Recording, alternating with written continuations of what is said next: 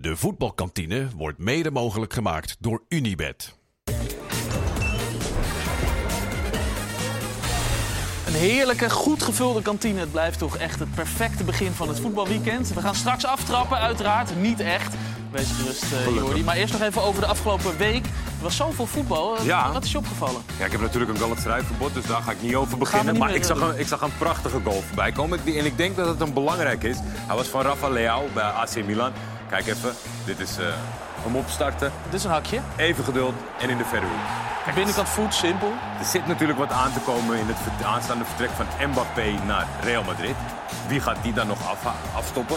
Alleen, ik denk, deze meneer komt de laatste tijd toch wel als enige in de buurt. En dan is het dan Paris Saint-Germain. Die staat natuurlijk een soort van op een tweesprong. Taaien ze af na al die jaren in de najacht eh, richting de Champions League? Of pakken ze door en gaan ze voor Leao? En blijven ze een uitdager? Maar dit, ik zit, sta hier nu naast een soort Ja. tip aan Paris Saint-Germain. Jij zegt, Nou, ben- Paris, wakker worden. als je echt wat wil, dan moeten ze dit wel doen na het vertrek van Mbappé. Mbappé gaat naar Real Madrid, weten we dus nu al van jou. En dan Rafa Leao nemen.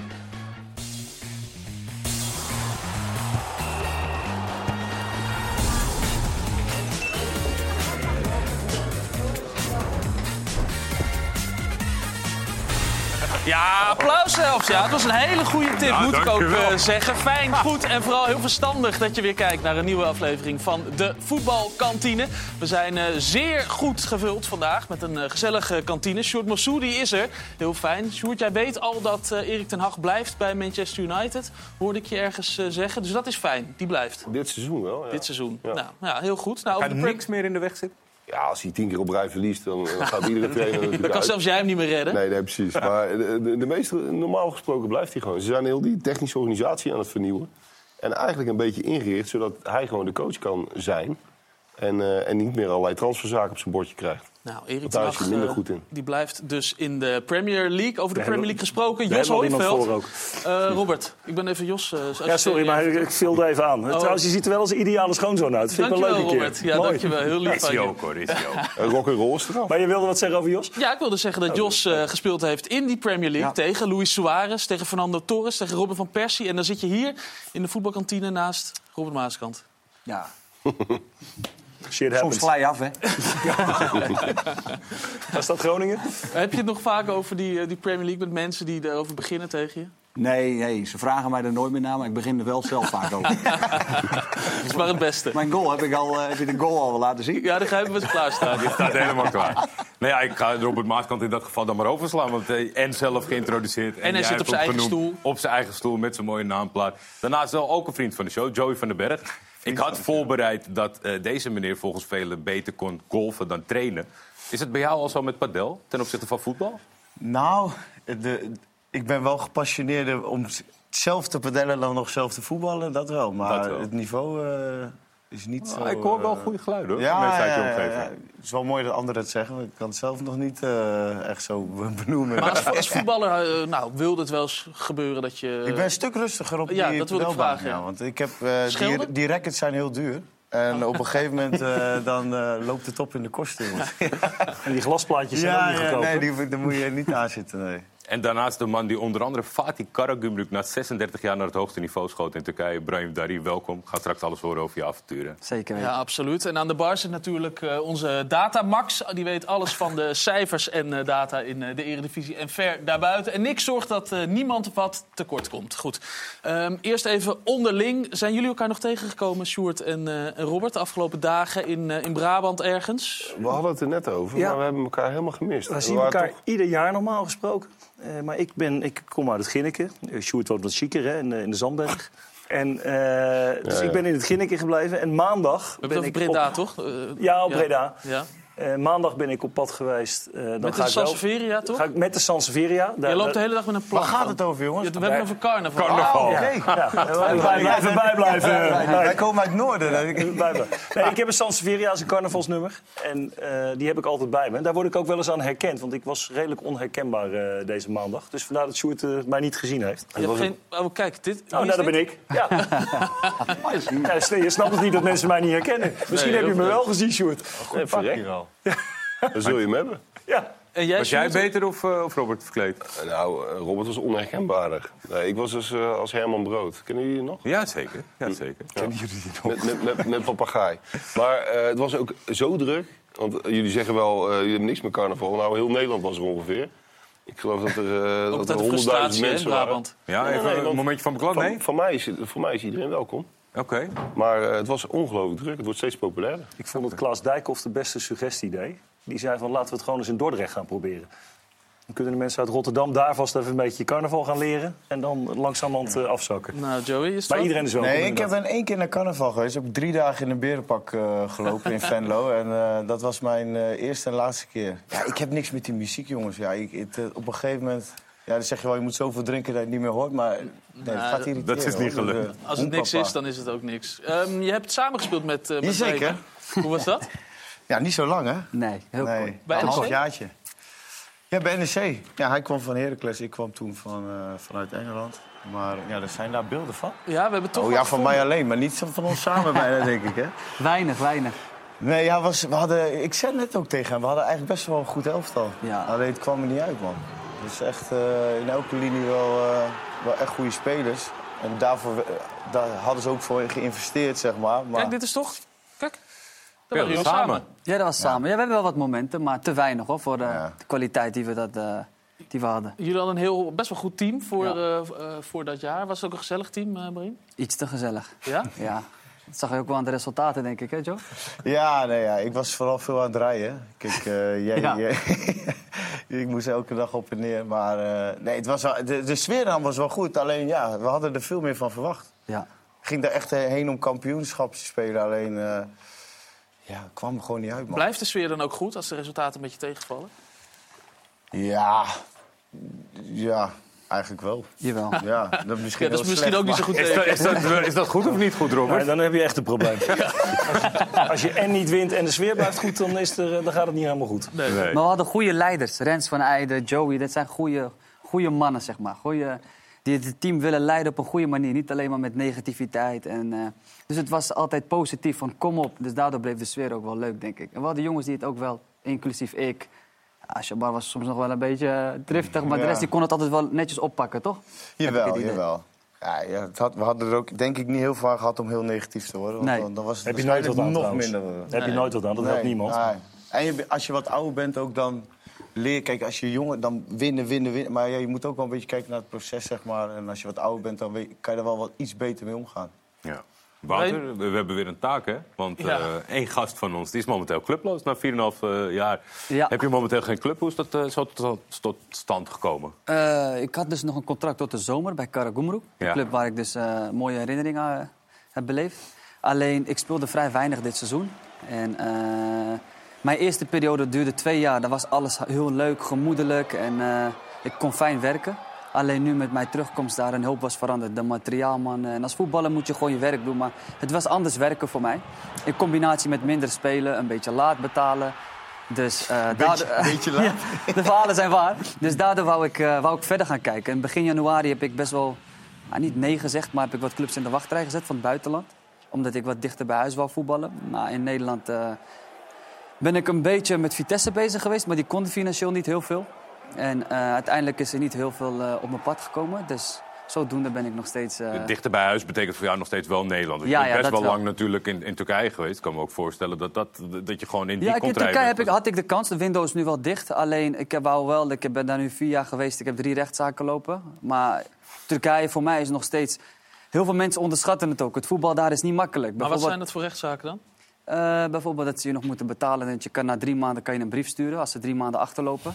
Dat deed sturen? vroeger al. Ja, naar de, naar de FIFA. Ja. En dan eh, kan je al je geld claimen zeg maar, van het contract dat jij nog hebt tot het eind van het seizoen. Of hoe lang jouw En contract je hebt bij duurt. vier eh, Turkse clubs gezeten? Vier, ja. En drie daarvan Heb, ik een rechtszaak lopen. Oké. Ja, Dan ben je, wel, ben je Erzen- wel vrij nu. Want je zegt Ja, het ja. over de window. Maar je kan toch in principe naar iedere club nu? Ja, maar sommige, dus als je, in Nederland ben ik geen buitenlander, maar bij de meeste landen ben je een buitenlander, Turkije. En die hebben al hun buitenlanders tot het eind van het seizoen. Dus Ja, ja, oké. om je te registreren zal moeilijk zijn. Dus eh, even Heeft, kijken. heeft, heeft het feit dat jij navraag hebt gedaan over je financiële status ook te maken met de weinig speelminuten? Want dat is natuurlijk ook een bekend verhaal. Op het moment dat jij gaat vragen om je centen, dan kan het ook wel snel voetballend minder worden. Ja, dat, dat kan, dat kan. Vooral bij, bij de club waar ik nu zit. Eh, De president ben ik heel goed mee. Eh, dat is een man die, eh, ja, die wil het liefst zelf op het veld staan zelfs. Zo, zo, zo gepassioneerd is hij. En, maar nu ben ik ook, ik, heeft me nog steeds het team wat te goed. En wil ik het gewoon niet meer via rechtszaken doen. Gewoon, wat, je leeft eh, in een voetbalwereld die is heel klein. Dus ik heb hem misschien later weer nodig. Als Joey Ja. straks trainer wil worden, kan ik hem bij Karagumruk aan de bak krijgen. dus... eh, Maar je Nee, bent wel een beetje betalen. zoekende natuurlijk, want je bent eh, nu clubloos. Dus, ik, dus ik, wat ik ben nu? fit en ik ben jong, dus het is, maar het is niet zo dat ik... eh, het moet van beide kanten een mooie deal zijn. Het is niet dat ik zeg maar, heel graag naar een club wil en die club is niet zo enthousiast. Maar Excelsior bijvoorbeeld zocht ook deze winter best wel een, uh, een buitenspeler. Naastig op een het gegeven moment speelde een beetje dat als Driehoes zou gaan. Alleen, eh, dat, is ook niet ge- dat is hem ook niet geworden. Had Dus, jij dat eh, wel gewild? Ja, dat is wel een club die eh, altijd eh, met identiteitspot probeert aanvallend voetbal te spelen op kunstgras. Dat waren ook mijn beste wedstrijden in de eredivisie. Je bent wel een dus, kunstgrasliefhebber. Ja, maar nu ik wat ouder ben geworden, nog steeds jong, maar vind ik, vind ik dat ik... eh, snap ik dat Joey zegt gras is beter. Dat snap ik nu wel. Nou ja, vooral Sjoerd. zegt Gelukkig, want wel Sjoerd eh, tijd. ging bijna ingrijpen. Ik, ik snap wel dat hij geen club heeft. Je moet carnaval gaan vieren. Maar, weet u wel. maar heb je een deadline voor jezelf? Want je moet Sorry, op een gegeven moment... eh, Je hebt toch wel een soort deadline, want je kunt niet eeuwig eh, blijven wachten. Nee, dat niet. Alleen, eh, ik, ik heb- ben vader van een dochter geworden twee jaar, bijna twee jaar geleden. En ik eh, krijg nu bijna weer een kind. En, eh, dus dat het allemaal zo gelopen is dat ik nog niet getekend heb. Ik heb er een beetje vrede mee. Ik weet niet of dat eh, hier heel goed is om te vertellen. Maar ja, ik, ik ben wel iemand die professioneel is. Ik hou mezelf fit. Ik eh, doe nog vaak zaalvoetballen met Aysati als ik hier in Nederland ben. En met wat jongens. En padellen doen we. Ik ga constant, loop ik hard. Dus de routine is er. Maar wat ik net zeg, het moet wel goed zijn van beide kanten om, om, eh, om, om weer aan de bak te gaan, zeg maar. Ja, maar 29 op drama. Je moet toch eh, een linksbuiten die een man voorbij kan spelen, die zijn er wel steeds minder. Kan iedere club gebruiken. Ja, ik wou net zeggen, dat willen ze allemaal Ja, wel toch? hebben, ja. En hoe kan het dan bij, dat het bij Vitesse niet is geworden? Was puur omdat er echt niks kon? Nicky Hofs Financieel. mee gevoetbald en die, die, die kent mijn kwaliteiten ook wel, denk ik. Alleen ik kreeg als antwoord van ja, we hebben financieel gewoon is er heel weinig mogelijk. En twee dagen weinig. later zag ik dat, eh, dat ze een huurling hadden. Dus eh, ja, waarschijnlijk was er weinig ruimte voor, eh, voor mij. Ja. Maar er is wel op zich ruimte voor clubs in Nederland, top KKD of die Ja, ik om, voel me, ik voel nergens te groot. Nee, nergens echt niet. Echt. Ik zal wel. eh, ik, ben, ik heb Nederland, denk ik, in 2019 verlaten. En mijn laatste club was dan eh NEC Den Bosch, want ik was verhuurd. Dus dat was ook geen eredivisie. En eh, ja, ik, ik ben nou een wat volwassener speler. Ik, ik zei net ook tegen Joey, nou snap ik dat als je iets ouder wordt, dat voetbal makkelijker wordt. Dat je ook veel meer met looplijnen kan werken in plaats van alles op talent en op snelheid en op dribbles. Dus eh, ja, het is geen open sollicitatie, maar ik ben wel een betere speler dan vroeger. Nou, straks meer over die looplijn in je tijd Wij, allemaal, in, wij eh, in trouwens. hoor. Iedereen, hè? In ieder geval in de verhalen. Jos, Ja. jij bent eh, niet clubloos op dit moment. Nee. Sterker nog, je bent teammanager van FC Groningen. Hoe bevalt dat? Ja, best goed. We hebben ook even wat actiemomenten van jou op een, op een, op een rij gezet. beelden. Omdat het, ja, dat is toch best wel wat, wat, wat je moet doen tijdens zo'n lang, wedstrijd. denk ik. Nou, kijk, we zien, je moet wel op de achtergrond een beetje opletten. Want dan zien we ja, vooral met die, eh, met die kaart in de weer. Is het dan een gele kaart of zo? Die je- Ja, dat zijn de wisselkaarten. Oh, dat zijn de wisselkaarten. Ja. En dan sta je eh, weer bij en- die vierde man. En Joey die ging er net af met een eh, witte kaart. Dus als je iets aan het hoofd hebt, Die had de neus eh, Ja. eh, gebroken, hè? ja. neus gebroken en dan ga je er met een witte kaart vanaf. je weer. telt de wissel niet. En handen dat- schudden. Ja, hier. Dat zijn best belangrijke dingen. Dit is een rode. Ja, dat onderschat men vaak wel. Nee, nee, maar Jos, vertel. Want we maken nu een geitje van. maar Hoe, hoe is het? Wat, wat, wat doe je de hele, de hele dag? Ehm, dat de hele verschilt. dag? Wat doe je in een week? Eh, het is eigenlijk een beetje poep scheppen. Af en toe. Voor de spelers, weet je. Eh, sommigen denken dat je een personal assistant bent. Dus dat moet ik dus, er snel uithalen. Maar het is eigenlijk vooral het regelen. Veel regelen, veel uitvoerende werkzaamheden. En ik zeg ook altijd wel eens gekscherend...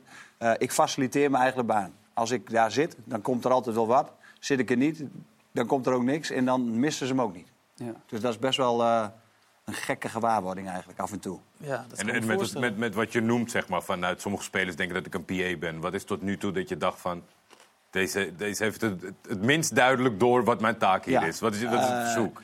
Dat je dan om, eh, ik geloof dat het was kwart over elf s'avonds. En dan kreeg ik eh, twee eh, filmpjes van...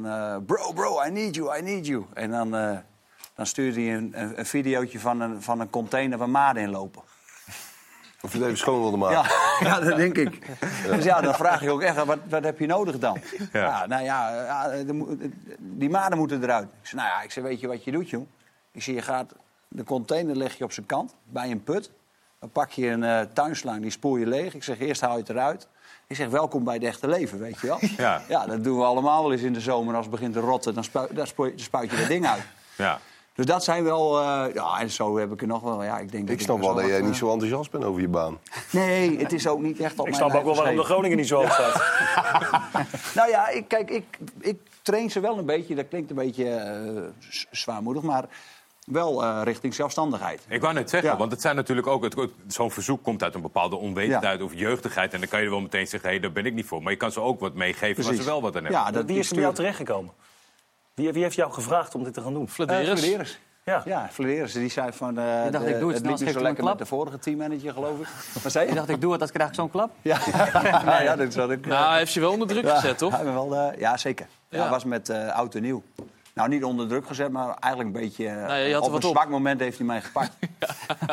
ik had goed wat op op oud en nieuw. En, eh, als, maar. ja, ja, als mensen me dan wat vragen, na drie keer zeg ik dan ja. Nick, heb jij bier voor hem? Ja, ik ook maak alles schoon hier. Bevalt het? Of wil je erop terugkomen? Nou, het, het- het bevalt in dusdanigheid wel dat ik... eh, ik vind het weer leuk om bij de club te zijn. Eh, ja, je valt toch wel weer een beetje terug in eh, wat je kent. Dus dat is wel erg leuk. Eh, de baan op zich bevalt me niet zo goed. Dat ik eh, denk van, nou, daar blijf ik echt lang in doorgaan. Dat heb ik ook wel aangegeven, hoor. Dat ik, eh, wat mij betreft, eh, na dit seizoen het, het er ook op zit. Oké. Dus dat is. eh, maar het, het- er zitten ook wel hele leuke dingen aan. Ik heb altijd mijn kantoortje vol met eh, ja, alles en iedereen die langsloopt. Zeg Dat maar. kan ik me voorstellen, ja. Het is Ja. wel gezellig. Het is wel geval. gezellig, ja. Ja, ja, Ik zit altijd in mijn goal op. En, en Joey, wat zijn nou de raarste verzoeken die jij ooit aan een teammanager hebt eh, gedaan? Nee, ja, ik, ik moet eerlijk zeggen, ik heb altijd wel eh, respect gehad voor die mensen. Ik, bij bij eh, NEC hadden we ook een hele goede, eh, een goede teammanager. is wel goud voor een elftal. Maar ik heb zelf nooit eh, dat als de lamp los zat... of dat hij niet deed dat ik dan de teammanager ging bellen. Maar die verhalen kende ik wel. Van eh, internet doet het niet, dan bellen ze de teammanager, weet je wel.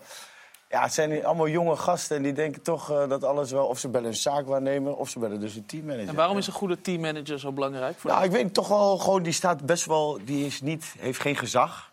Dus het is geen trainer. Maar die kan wel tussen zo'n groep goed mengen. Ik denk dat Jos daarin, dat, dat hij dat nog het leukste vindt. Ja, dat is ook het leukst. En blijft, dat- blijft dat dan het goede teammanager ook dat het binnen kamers blijft? Want soms eh, Ja. dan word je vertrouwenspersoon met de speler. Ja, bij mij is altijd alles eh binnenskamer. Ja, maar het kan ook natuurlijk in het belang zijn dat, dat andere mensen ook een beetje weten van als je echt Ja, iets... klopt. Nee, dat is wel zo. Ik, eh, ik, eh, wij hebben gelukkig ook een hele fijne trainer daarin. Dus dan tip ik hem wel van, joh, let even op hem. Want Joh, Dick, ja, Dick Lukien. er gebeurt wat. Een beetje aandacht. Ja, precies. Ja. Dus een beetje aandacht richting hem. Of kijk uit wat er gebeurt, want er is net dit en dit wat, eh, er speelt wat. Weet je, dat, dat wel. Vind je dat het helpt dat je zelf prof bent geweest? Eh, ja, want eh, dan kun je het ook beter in perspectief zetten. Ik denk dat er ook heel veel teammanagers zijn die het eh, geweldig vinden dat zij eh, zichzelf belangrijk maken.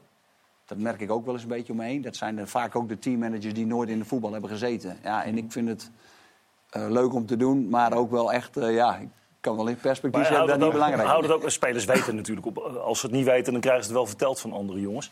Is dat dan nog, ehm, hebben ze dan meer respect voor je ook? Dus zijn er een aantal dingen die ze bijvoorbeeld niet bij je komen, dat ze zeggen van ja, hij heeft ook prof geweest, ik ga niet zomaar eventjes een beetje voor... eh, Eh, lopen zeuren bij nou, dat is wel een traject waar je in moet gaan, hoor. Het is wel echt... eh, nou, daar moet je af en toe wel even zeggen van... joh, eh, doe het even zelf. Of probeer Ja. er zelf even uit te komen. Maar het is... Ja, wat, wat mijn kracht in dat soort dingetjes is... is eigenlijk ook met het zoeken van huizen bijvoorbeeld... dat ze vooraan de rij staan. Hè, dat ze eh, als eerste de keuze hebben. Maar Jos, Dus jij bent toch ook een, een, een hele goede verdediger geweest? Hoe groot is dan die drang om, om af en toe tegen de verdedigers te zeggen van... joh, ik zou het sowieso doen? Ja, knijpen. ja, heel goed. Ja, nee, dat klopt. Dat, dat is ook wel iets wat ik eh, voel dat, eh, eh, dat daar meer in zit voor mezelf. Op het individuele coachen. Dat vind ik echt leuk. Eh, ik ga ook wel eens met ze het veld op, weet je. Soms doe ik wel eens mee. Eh, ja, de Vindt trainer wil... Lukien dat oké? Ja, die wil me al in de basis. Maar ja, ik, ik, hou, ik hou het nog een beetje af. Maar het klinkt heel, heel vrij, dus waarom, waarom zou dat niet kunnen? Dat je, Nee, dat dat je klopt. en en Ja, doet bijvoorbeeld. Eens. Nou, dat op is termijn. ook, dat Om het is- ook leuker te maken. Precies, dus ik, dat heb ik ook aangegeven van... joh, eh, ik wil best eh, eh, bij de club blijven... maar er moet wat meer uitdaging in mijn eigen rol zijn. Ehm, en daar kan ik wel een keer een plan voor gaan maken. Nou, het probleem van die functie is ook vaak dat het is vaak het sluitstuk op de begroting. Hè. Ik denk, in de Premier League verdienen die denk ik meer. Eh, De, de, de, rol, nee, maar de rol van team, zeker bij het rechte rijtje en de eerste divisie en zo. Het, het zijn vaak veredelde vrijwilligersjobs. terwijl het hartstikke belangrijk is. Je moet hartstikke veel doen. Zeker als je met buitenlandse spelers te maken hebt. Om die een beetje goed gevoel te geven en zo. Dat ze zich een beetje thuis voelen. Maar niet meer Sjoerd. Hè. Het- is, vroeger waren het natuurlijk... eh, Meer buitenland. Echt, nee, maar, nee, dan waren het echt gewoon liefhebbers en vrijwilligers die die functie bekleden. Die, die kregen een, eh, een, jas, een jas en een seizoenkaart. Maar wel veel minder hoor. Maar het is nog steeds Zijn- geen, eh in bijna geen de Eredivisie. Eredivisie is volgens mij van de 18 clubs... zijn er volgens mij 18 eh, gewoon in dienst bij de club. Dit zijn Ja. een aantal teammanagers die we voorbij zien, eh, zien komen. Ja. Dat zijn de be- bekende namen. Bas niet meer, hè, even Nee, Nee, in, in, in het verleden uiteraard. En eh, ja, het is toch wel Maar hij was de eerste eigenlijk. hè, een, een bekend... Ja, je ziet die mensen altijd rondlopen. Ze zijn toch voor een team wel heel belangrijk. Robert. Kan ik me voorstellen als, als trainer ook. Ja. Nou, ik heb, ik heb ook nog heel goed contact met mijn eh, voormalige teammanagers. Bijna allemaal. Eh, of dat nou Leo van Kamphout is, eh, bij- RBC in, eh, in, in 99 al. Eh, nou, die spreek ik nog echt met grote regelmaat. Ik ga met mijn teammanager vanuit Wisla Krakow minimaal één keer per jaar ga ik uit eten. Eh, en dan vaak ook met wat meer stafmensen nog, maar daar heb ik ook echt een goed contact mee. Dus ja, het, het zijn ook wel mensen waar je een band mee hebt en waar je iets mee creëert. Jij zal het met Dick Maar- ook hebben. Heb je, heb je hem ook wel eens gehad? Want het is niet per definitie iemand die je meeneemt eh, al- als trainer zijnde... dat je, dat je er niet mee kon Nee, zijn- en dat je dan... Het zijn, Dan- dan kan het wel Kijk, sowieso zijn zijn het heel vaak clubmensen. Hè? Dus, Ja, dus het zijn, of het zijn oud-pros vanuit de club, maar het zijn echt mensen die vanuit de stad komen en die ook daar hun weg goed weten. Nee, ik heb het bij, eh, God, bij Dynamo Minsk heb ik het meegemaakt. Eh, die, wij wilden Bate Borisov in gaan halen, wat toen eh, echt wel de Ambitieus. grote, grote club was. Eh, en wij waren, werden iedere keer tweede. Dus ik wilde twee weken eerder gaan beginnen met trainen. Dus ik zeg tegen die teammanager, ik zeg, joh, dan moest je daar indoor trainen, want het is daar min 30 en sneeuw. Echt een lekker clubje voor jou. En, die, eh, en die weigerde dat gewoon te doen. Ja. Die zei gewoon van, ja, nee, maar dat is mijn vakantie en dat is niet de cultuur hier en ik ga dat gewoon niet doen. Nou ja, dan ga je naar de eigenaar toe.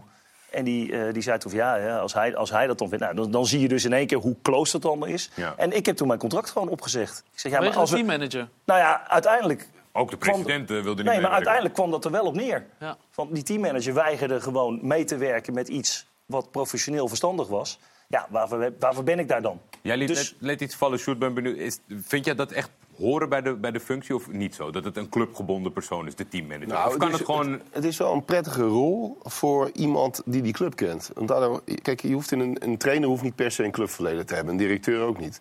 Maar die teammanager die zal, die kan wel voor zorgen voor een bepaalde bewaking van een bepaalde cultuur. Dat mensen gewoon dat het een herkenbare figuur is. Voor zowel spelers, voor clubmensen, voor supporters. Een aanspreekpunt. Dus je bent een soort, ja, je bent een soort radartje in het geheel. Waarbij het best wel fijn is. Als, als mensen weten van, nou, oké, dat is eh, de Ja. teammanager van Ja. eh, NAC. Of die is van Willem II. Of die is van, eh, ja, dat Nou, ik, werkt vond, wel. ik vond het bij MVV bijvoorbeeld waren er meerdere teammanagers. En die hadden allemaal hun functie. En die ene nam de spelers mee naar Luik. En dan gingen ze daar eventjes een beetje wandelen. En, andere, en dat waren wat, wat, wat oudere mensen. Dus dat was heel prettig voor die spelers. Om daar ook op terug te vallen en die gesprekken mee te voeren.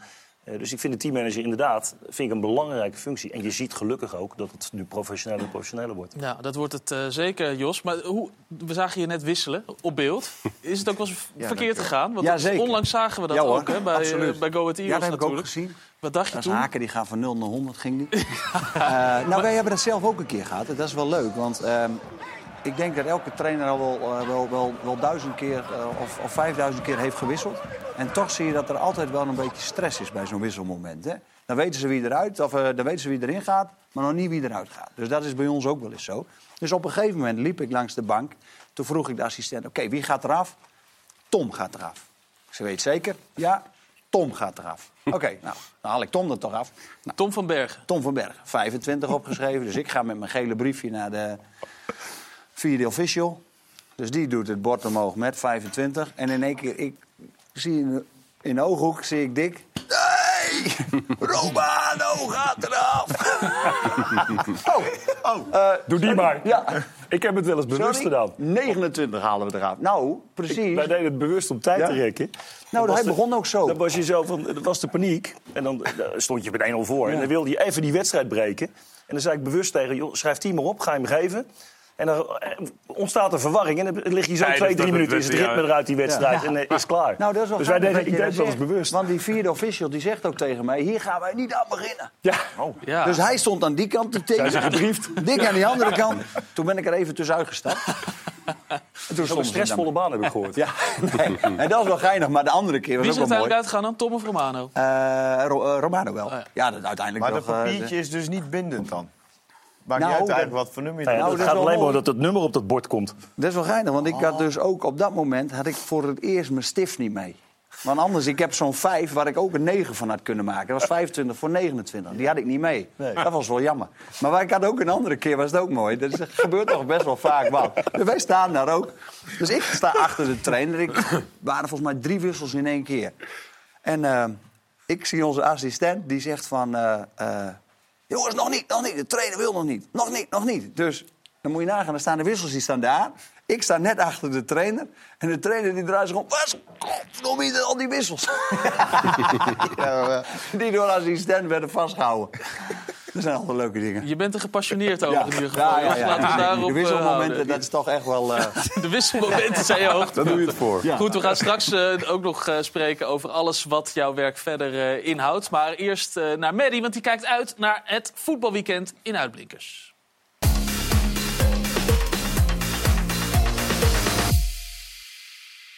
Het carnaval is achter de rug en speelronde 22 van onze prachtige Eredivisie staat voor de deur. Met daarin schitterende affiches. Zo voelt het ook en eh, ja, dat is voor mij het allerbelangrijkste. Vanavond komt de koploper al in actie. Morgen de strijd om de rechter Maasoever in Rotterdam. En zondag de strijd op leven en dood tussen Vitesse en Volendam.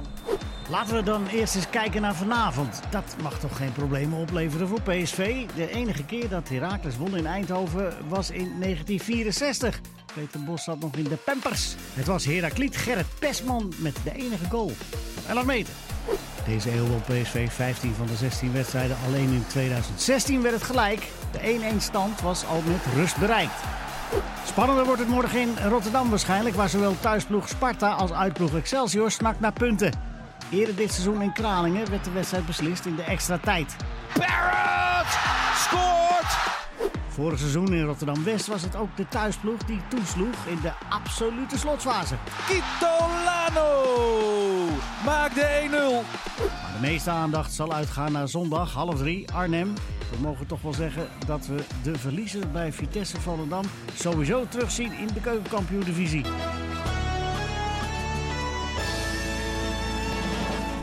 Eén keer won Volendam op bezoek in Arnhem en dat was in 1990. Het enige doelpunt was van Frank Pico Berghuis. Die wedstrijd Edward Sturing als directe tegenstander had. Verder was het Vitesse wat de klok sloeg. Met de 6-0 in 1998 als uitschieter. Reuzer, prachtig. Deze wedstrijd was Edward Sturing uiteraard van de partij. Van vrijdag tot zondagavond laat kunnen we weer genieten. Wie worden de grote winnaars van speelronde 22? Maar in het geval van Vitesse Volendam, wie wordt de grote verliezer? Waar kan de vlag half stok? Ja, dat gaan we later dit weekend allemaal zien. Maar eerst vanavond, want vrijdagavond is voor het eerst in eh, ruim vijf jaar... de avond dat PSV in actie komt tegen Heracles vanavond. En Milan van Dongen, eh, terwijl Robert Maaskant door het beeld loopt, dat kan ook allemaal. Milan van Dongen is voor ons in Eindhoven. Milan, de belangrijkste vraag is natuurlijk, wat ligt er op je bord?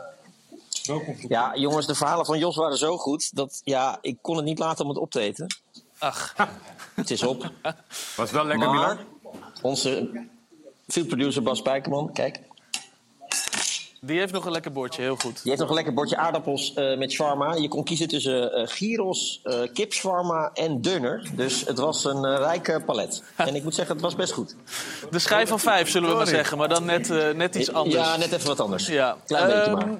Die, die, die wedstrijd is, is bijzonder vanavond, want PSV speelt nooit op vrijdag. Hè? Waarom is dat eigenlijk? Eh, nou, omdat PSV het liefst op zaterdag speelt. En eh, als zaterdag niet lukt, dan eh, zondag. Maar ja, er, moet gevoetbald worden komende dinsdag. En het is natuurlijk sinds een paar jaar gewoonte. Eigenlijk is het een beetje begonnen met het succesvolle Champions League seizoen van Ajax. Dat er extra rust wordt gegeven aan Europese spelende ploegen. En dat is natuurlijk hartstikke goede maatregel. Want de coëfficiënten zijn natuurlijk belangrijk. Dus vandaar dat de KNVB deze wedstrijd naar vrijdagavond heeft geplaatst. Omdat dinsdag PSV tegen Dortmund gaat spelen. En dat is natuurlijk ook eh, super belangrijk. Dus eigenlijk kan dit eh, prima en eh, werkt dit aan alle kanten goed. Dus ik zou zeggen hiermee doorgaan. Het is zo lang geleden, Milan, dat we er eigenlijk niks aan kunnen koppelen. Maar de laatste keer dat PSV op vrijdag speelde, ging wel goed, toch? Ja, toen werd het 6-0. Het was volgens mij in januari 2000, december 2018. Eh, toen was Excelsior de tegenstander. Het werd eh, 6-0. ja, deze man speelt nu natuurlijk bij de tegenstander van, van komende dinsdag, Donjan Malen. En de goal die we hier gaan zien is gok ik van de man die nu bij Ajax speelt, inderdaad. Ja, dat is Steven Bergwijn inderdaad. En eh, dus kortom, dat was in eh, de 7 december 2018. Ook Luc de Jong was er toen al bij. Eh, die pikt ook nog een eh, goaltje mee. Ehm, maar ja, nee, PSV speelt nooit op vrijdag. Dus ik ben benieuwd of dat eh, nog van invloed is. Het lijkt me niet.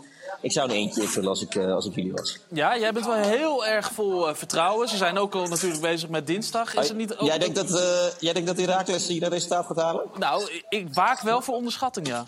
Ja? Oh, heel goed. Nou, je lijkt wel een trainer, Wouter. Ik waak niet voor onderschatting. Eh, PSV gaat dit makkelijk winnen. Maar ja, met 6-0 weer of meer? Nou, 6-0. Ja, ja, Kijk, Herakles speelt, eh, speelt natuurlijk wel eens met vijf verdedigers. Eh, maar goed, dat deden ze vorige week ook tegen Vitesse. Ging het ook niet eh super goed. Tuurlijk, Erwin van der Looy die kan een goed tactisch plan gaan smeden. En dat kan hij ook hartstikke goed. Alleen ja, PSV, dat lijkt wel, is thuis dit seizoen in ieder geval hartstikke sterk. Dus ik verwacht niet dat dat problemen gaat opleveren. Maar Herakles heeft toch een topspits? Die hebben een topspits, ja. Jess Horenkamp. Eh, maar ja, die moet dan wel in stelling worden gebracht. Eh, maar als dat lukt, dan, eh, dan zou het goed kunnen komen. Hij is in ieder geval in supervorm de laatste eh, weken. Afgelopen zaterdag tegen Vitesse natuurlijk twee, twee keer gescoord. Vijf goals in zes duels. Dus ja, nee, als hij een beetje ge- gevonden kan worden, dan zou het goed moeten komen. Maar het zal alleen lastig worden om hem te vinden, gok ik. Ja, Zeker, nou, ja, weet je, bij PSV is ook iedereen weer terug, behalve Til en, en Noah Lang natuurlijk. Eh, dus het is ook niet zo dat ze nog heel erg last hebben van blessures. Milan bijzaken, hoor. Maar welke speler hangt er achter jou, joh? Op die foto. We zitten Oh. nou, we zitten nou filmpje te kijken, speler. Ja, we zitten aan beeld, dat weet ik wel, maar... Ik heb een hulplijn. Dit is welke Vincent speler hangt er eh, achter mij? Hugo Hovenkamp, Oh, ja, dat- eh, ja. Hoor ik net. AZ. Sjors hoor mij nou, Sjoerd wil ik zeggen. Nee, maakt niet uit, Wim. nee, is goed Hans. Sjors is de redacteur van het programma, vandaar dat ik een beetje in de... In de... Nee, joh, maakt niks uit. Ja, zo is het. Milan, dankjewel. Ehm Ja. De groet aan iedereen daar. En ik denk nog een toetje hè, na dit, eh, na dit eh, eten. De gyros, de, de shawarma en de. We pita's. We hebben donuts als toetje. Nou, ik hoop dat je nog wat kan vanavond. Kijk, kijk, daar is hij. En ik wil even een verzoek aan de mensen op de weg. Het ik ben wel hier net heen gereden. Eh, ik ben nog nooit zoveel eh, dakkoffers tegengekomen. Maar we hebben een probleem, want Kenneth Perez is nog onderweg. En die mensen met de dakkoffers moeten even aan de kant, want anders is Kenneth eh, niet op tijd. Dus eh, nee, die mensen kijken natuurlijk allemaal in de auto nu de voetbalkantine. Dus of ze dan allemaal een beetje aan de kant willen gaan. Ja, dat is goed, ja. ja Filetje eerder nemen. Ja, viel ik je eerder, maar eh, ja, je kent Kenneth, hè? Daarom. Iemand moet het zeggen. Stilte hier. En eh, Milan, dankjewel. Geniet van je Jo. dessert en succes daar Dankjewel. vanavond. Hij verwacht dus eh, geen verrassing daar bij PSV Heracles. Die wedstrijd begint om 8 uur. Jess Hormkamp in de spits bij Heracles. Ik denk dat hij wel eh, nou, in ieder geval iets kan doen. Milan denkt dus dat hij niet in stelling wordt gebracht. Het belangrijkste is nou, is hij in vorm, Max? Ja, Cijfers, data, geef het ons. Nou ja, goed, vijf goals in eh, zes wedstrijden. En daar heeft hij ze zo lang niet helemaal van uitgespeeld. Dan ben je sowieso in vorm. Eh, we hebben het ook eventjes op een rijtje gezet. Ehm, hij heeft vijf goals gemaakt uit eh 1,91 expected goals. Dat is echt eh, een hele knappe overprestatie. Zeker voor iemand die dus bijna een half jaar niet gevoetbald heeft. Dus hij heeft zijn vizier eh, wel heel erg op scherp eh, staan op dit moment. Eh, wat betreft eh, schoot op doel, heeft hij er maar zeven op doel. Daarmee is hij zesde ten opzichte van iedereen in de eredivisie. Maar goed, daar gingen er dus vijf van in. En eh, daardoor heeft hij een hele goede schotconversie. Alleen Taylor Booth deed dat beter. En zoals je ziet, hij heeft ongeveer een uurtje nodig per, per doelpunt. En dat is toch wel heel knap voor een, voor een speler die nou ja, met zijn club in zwaar weer bev- bevindt. Dus Erwin van der Looy noemde hem al de beste winteraanwinst van Heracles.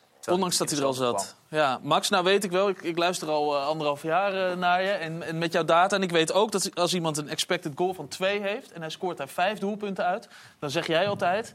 Overpresteren. Dat kan niet lang goed gaan. Nou ja, goed. Eh, ik laat me graag verrassen. Oké, nou goed, we gaan het zien. voor. Ja, we gaan het zien vandaag. Hoorkamp tegen PSV. Sjoerd, jij was gisteren in de Kuip. Wat Ja. heb je meegemaakt? Eh, leuke wedstrijd. Eh, boeiende wedstrijd. Ik, ik had, eh, nou ja, van, van tevoren had ik veel spelers die ontbraken bij Feyenoord. Dus dan heb je er eh, nou ja, vanuit Nederlands perspectief een hard hoofd in. Ehm, maar het was een echte wedstrijd en, en ehm, ehm, het, ging, het ging voortdurend op en neer. Roma is ook niet meer de ploeg die, eh, die we gewend waren natuurlijk. Met Mourinho. Met Mourinho, dus die wilde echt Een wel beetje een voetballen. stripje geworden, hè, Roma? Ja. Voor Nederlandse ploegen. Ja, zo kun je het, zo kun je het zien. En, en eh, ja, geweldige spits hebben ze natuurlijk. Nee, het, was, het was een hartstikke boeiende wedstrijd. Geweldige uh, Europa Cup sfeer. Dus daar, daar lag het allemaal niet aan. Nee, waar, waar lag het wel aan? Aan de spelers die het niet waren dus. Nou ja, god, je moet tegen, tegen zo'n tegenstander moet je natuurlijk op alle vlakken moet je top zijn. En wil je een goed resultaat halen. En uiteindelijk is het natuurlijk niet een heel goed resultaat. 1-1 is natuurlijk net te weinig als je nog die uitwedstrijd moet spelen. Vorig jaar wonnen ze met 1-0 en toen, eh, toen dat, bleef, dat was al te weinig. Ja. Dus da- daar was wel teleurstelling over. En dat is ook logisch. En ook als je met 1-0 voorkomt, dan wil je natuurlijk eh, binnenslepen. Arne in de, in de, oh sorry, maar de, de, de matchup tussen Belen en Lukaku. Dus wel, ja, eigenlijk boven verwachting, maar net kort. Nou, Belen was wel echt goed hoor. Die, eh, Zeker als je zo vroeg al een gele kaart had gepakt. Ja. Ik na vond, 15 vond minuten. echt eh, sowieso Feyenoord goed met al die jongens die meededen. En die, die goal die Lukaku maakte, dat was Hansko die erbij stond, toch? En die ging nog via zijn Ja. schouder, hè? Dus dat was wel een beetje geluk. Maar vooral na die gele kaart, want dan denk je, oei, nu wordt het wel heel Maar lastig. hij hield zich niet in. Dat vond ik echt knap. Eh, Hij gaf na de wedstrijd aan, dat, dat, dat kan hij niet. Nee. Hij kan ja, zich niet inhouden. Ja, dat had ook is ook niet gevaarlijk. misschien, nee, ja. nou, heel rustig. Had jij ook wat, Ja. Joey? Ja, wie? nee, dat doet hij beter. Ja. Nee, ik vond het echt knap. Zeker met al die gasten die ze misten, jongens. Echt, eh, zeker op middenveld ook. eh, eh, Timber, weet je wel, die echt wel... Maar Wiever trok iedereen mee. Ik vond echt... Ik vond echt Ja, wel maar jij zegt dat, hè, maar Wellenruiter natuurlijk heeft het als stand-in van Bijlo sowieso uitstekend Ja, gedaan. Ja. deed gisteren ook fantastisch. Dus juist de, Timber denk ik wel dat je miste. Omdat de, ruimtes bij AS Roma verrassend groot waren op het middenveld. Ja. Dat ben je eigenlijk niet gewend van de Italiaanse ploeg. Maar Feyenoord kon soms dwars diagonaal Ja. door het midden heen spelen. Creëerde ook zo een aantal kansen. Eh, en dan heb je Timber, is wel lekker als je die wel hebt. Want dat geeft een extra man in je middenveld. En die hadden ze nu eigenlijk niet. Seruki is natuurlijk toch iemand die wat veel hangender dichter bij de speelt. bal, ja, ja. En eh, ja, Feyenoord, dat vind ik wel. Ik, ik maakte me een beetje zorgen omdat Feyenoord eigenlijk hartstikke goed speelde. Maar dan toch weer niet dat resultaat krijgt. En ja, of dat uit genoeg gaat zijn. Ja, dat is de Ueda- grote vraag. Ueda ja. viel een beetje tegen van de, van de, van de invallers, zou ik maar zeggen. Ja, maar hij, krijgt, is ook moeilijk spelen als spits Ja, tuurlijk, tuurlijk is het moeilijk. Dat is ook heel moeilijk, maar je, je hoopt er net iets meer van. Dat Ja. het toch een jongen was Was die... tegen Sparta eigenlijk ook al zo? Ja, daarom. Omdat, en omdat het wel een jongen is die heel dicht tegen, tegen de eerste spits samen zou moeten zitten. En dan, dan verwacht je er gewoon een. Ja, voor veel geld gehaald ook natuurlijk. Daarom, En die blijkt ja. toch iets minder dicht bij Jiménez te zitten dan verwacht. Arne Slot was na afloop eh, teleurgesteld over de 1-1. En hij had sowieso een opvallende uitspraak. Eh, nou, ik, zei, ik begon al te zeggen dat ik niet vind dat 1-1 een geweldige uitgangspositie is. Ehm, het is ook niet zo dat, wat dan misschien dacht, ja, maar als je straks drie, vier spelers terug gaat, ben je veel beter. Dan zou je die jongens die vandaag speelden echt veel tekort doen. Eh, dus dat wordt gewoon een ontzettend moeilijke wedstrijd. Juist omdat ik ook ervaring heb met die wedstrijd en weet wat we daar dan weer te wachten staan. De sfeer was hier ook geweldig. Vervelend genoeg was alleen de scheidsrechter daar niet door geïmponeerd. Dus ik kan alleen maar hopen dat het volgende week eh, ook aan de arbitragekant voor ons zo is. En dan zullen wij weer ongelooflijk goed moeten zijn om, eh, om daar met een resultaat weg te komen. Wat we nodig hebben, want eh, het moet of een gelijk spel. Nee, het moet eigenlijk een overwinning worden. Eh, Het zij met direct, het zij de verlenging, het zij met strafschop. Altijd mooi om naar eh, Arne Slot te luisteren. Ook mooi om te kijken naar de reacties hier. Want Sjoerd begint te lachen als die Arne Ja. Slot eh, praat over de arbitrage. En eh, Robert, jij begint nee te schudden heel hard. Had je dat door? Ja, ik, ja, dat weet ik heel goed. Ik, ik zat gisteren bij de NOS, heb ik deze wedstrijd geanalyseerd. En toen heb ik het ook direct gezegd toen hij dit vertelde. Arne hij, moet vertelde gewoon... dit ook, hij vertelde dit ook voor iedere camera hetzelfde. Ja, hij dus moet gewoon geen wegblijven. niet, op- eh, Nee, maar hij moet gewoon wegblijven bij, bij dit verhaal. Eh, eh, of hij dat nou doet om zijn ploeg te ontlasten. Zo van, ja, we gaan daar naartoe en dat is hartstikke moeilijk. En dan verzin je een bijzinnetje van... oh ja, maar als de scheidsrechter maar niet geïmponeerd is... Dat heeft het, nou het haalt zoveel weg van de prestaties van zijn ploeg... dat hij over scheidsrechters begint. Vind ik gewoon zonde. En ik, ga denk- hem sturen ook dadelijk. Ik denk dat, dat, dat, hij, ehm, dat hij toch een beetje wil sturen en manipuleren. In de zin van even laten voelen van nou, de scheidsrechter liet zich hier niet kennen. Dan hoop ik dat de scheidsrechter van volgende week kijkt. En, en dat, hij, dat hij zich ook eh, het hoofd koel houdt. Dat zal er wel achter zitten, want anders slaat maar het ik nergens vind, op. ik vind het echt zonde. Want het, is, het, het haalt, nogmaals, het haalt weg van de kwaliteit van de spelers wat ze gebracht hebben. Al die jongens die, die, Ja, niet. nee. die gingen spelen. Ligt Welleruiter eruit, ligt Belen eruit, ligt al die gasten die gespeeld Is hebben. hij misschien na de wedstrijd dan vaak iets te veel een flap uit, zeg maar? Want het zijn wel allemaal emoties Ja, maar, waar we eh, ons in Sjoerd kunnen zegt, vinden. hij deed dit voor zes camera's, hè? Ja. dit was niet, niet zomaar een, een, iets wat zomaar even ont, was ontglipte. bedacht. Maar er zit, wel, er zit wel altijd een gedachte achter. Het is niet zo dat Nee, maar hij is dat hartstikke goed. dat dat spontaan gebeurt. Dus als hij iets met een scheidsrechter wil, dan doet hij dat ook met een soort boodschap. Het is nooit zomaar, eh, ik wil even kritiek uiten of zo. Er zit al- altijd een idee Ja, maar achter. inter- internationaal is hij wel ambitieus inderdaad. Want dan moet de scheidsrechter van volgende week eens aangesteld kijken... en Nederlands kunnen of Maar hij zei vorige week ook in de persconferentie... eh, ik hoop dat eh, mensen niet denken dat wij in de Kuip eh, de, de arbitrage achter ons hebben. En, en de- hij probeert daar toch weer iets Hij mee is er altijd heel veel mee bezig. Ja. Maar hij had wel het gevoel dat bij AS Roma dat het nog wel een tandje meer kon. Op een of andere manier. Dus hij had wel ergens een punt. Ik denk wel dat eh, hun... Kijk, die Italianen zijn sowieso anders in hun denkwijze. Maar als je zag wat voor elftal ze hadden, zeg maar... en ook als ze op een gegeven moment eruit kwamen, dan ging het echt heel snel. En eh, ik had het gevoel dat ze dachten van... oké, dan maken we het wel thuis af. Roma, de echte ja, Italiaans. Ja, ja. dat denk ik. Ik hoor muziek, dat betekent dat we naar de break gaan. Maar zometeen zijn we terug en dan gaan we het hebben over de oude ploeg van Brahim Darri. Namelijk Vitesse. Deze week werd eh, de overname van deze man, Colly Perry, namelijk eh, niet goed verklaard door de KNVB. Hoe nu verder met Vitesse? Dat zo